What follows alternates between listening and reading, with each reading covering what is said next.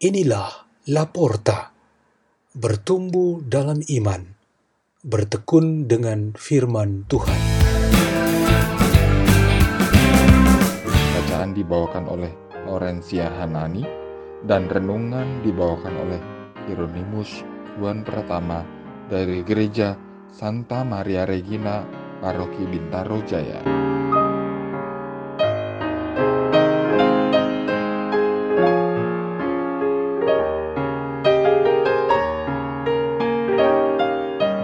Dan Renungan Sabda Tuhan Hari Rabu dalam Oktav Natal 30 Desember 2020 Inilah Injil Tuhan kita Yesus Kristus menurut Lukas. Ketika kanak-kanak Yesus dipersembahkan di bait Allah, ada di Yerusalem seorang nabi perempuan, anak Fanuel dari suku Asher, namanya Hana. Ia sudah sangat lanjut umurnya. Sesudah menikah, ia hidup tujuh tahun bersama suaminya. Dan sekarang, ia sudah janda berumur 84 tahun. Ia tidak pernah meninggalkan bait Allah dan siang malam beribadah dengan berpuasa dan berdoa. Pada hari kanak-kanak Yesus dipersembahkan di bait Allah, Hana pun datang ke bait Allah dan mengucap syukur kepada Allah, serta berbicara tentang kanak Yesus kepada semua orang yang menantikan kelepasan untuk Yerusalem. Setelah menyelesaikan semua yang harus dilakukan menurut hukum Tuhan, kembalilah Maria dan Yusuf beserta kanak Yesus ke kota kediaman mereka, yaitu kota Nazaret di Galilea. Anak itu bertambah besar dan menjadi kuat, penuh hikmat dan kasih karunia Allah ada padanya. Demikianlah Injil Tuhan.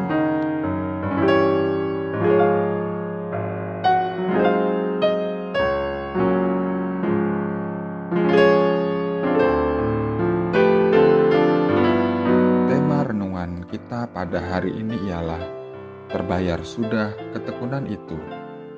Hari ini satu contoh lagi figur yang hidup dalam ketaatan dan mengamalkan cinta kasih ialah nabi wanita yang sudah lanjut usia, Hana.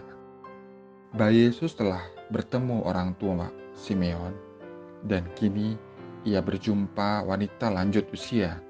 Yesus berjumpa dengan orang-orang tua, laki-laki dan wanita ini pertanda penantian untuk diperolehnya pembebasan dan keselamatan bangsa Israel yang sudah sekian lama dinantikan sudah datang.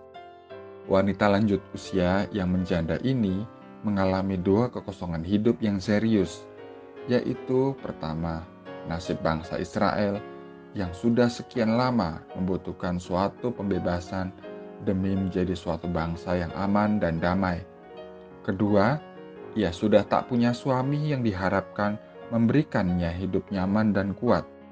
Hidup sebagai janda jelas menjadi kesulitan dan suatu stigma buruk yang membebani. Ia memilih untuk mengisi dua kekosongan ini dengan pelayanan penuh di bait Allah selama sisa hidupnya. Tak peduli usia dan banyak tahun di bait suci untuk berdoa, berpuasa, dan meminta dengan sangat untuk dikabulkan semua doanya, Hana akhirnya diberi satu hari terbaik dalam hidupnya.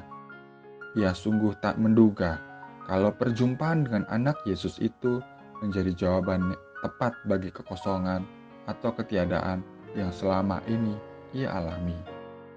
Betapa melalui sekian banyak penantian, kesabaran, ketekunan, dan pengharapan, terbayar sudah semua pengorbanannya itu.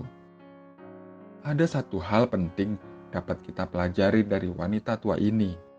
Yesus Kristus yang kita jumpai pada hari ulang tahunnya tahun ini kiranya menjadikan kita masing-masing sampai pada suatu keyakinan bahwa telah terjawab paling kurang satu kepentingan hidup jasmani atau rohani kita.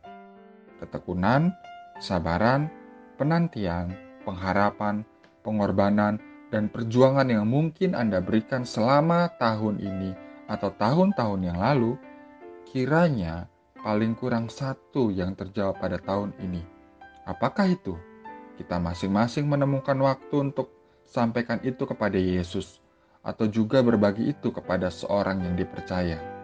Mengapa harus berbagi satu pencapaian itu? Karena Hana sudah memberi contoh, demikian juga Simeon. Begitu mereka luapkan kegirangan dan sukacita, lalu mengungkapkan bahwa sudah terbayar apa yang selama ini mereka tekuni, hati mereka puas dan menganggap bahwa hidup di dunia ini sudah ada maknanya. Atau kalau bagi orang tua, cukup sudah urusan di dunia ini.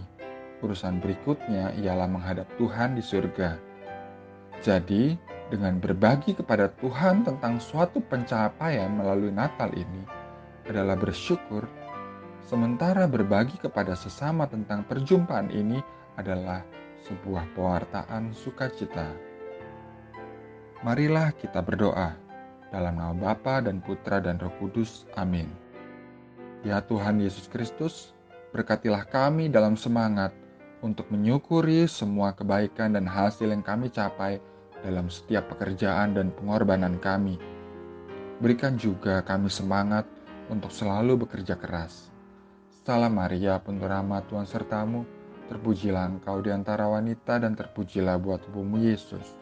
Santa Maria Bunda Allah, doakanlah kami yang berdosa ini, sekarang dan waktu kami mati. Amin. Dalam nama Bapa dan Putra dan Roh Kudus. Amin. La porta, la porta, la porta.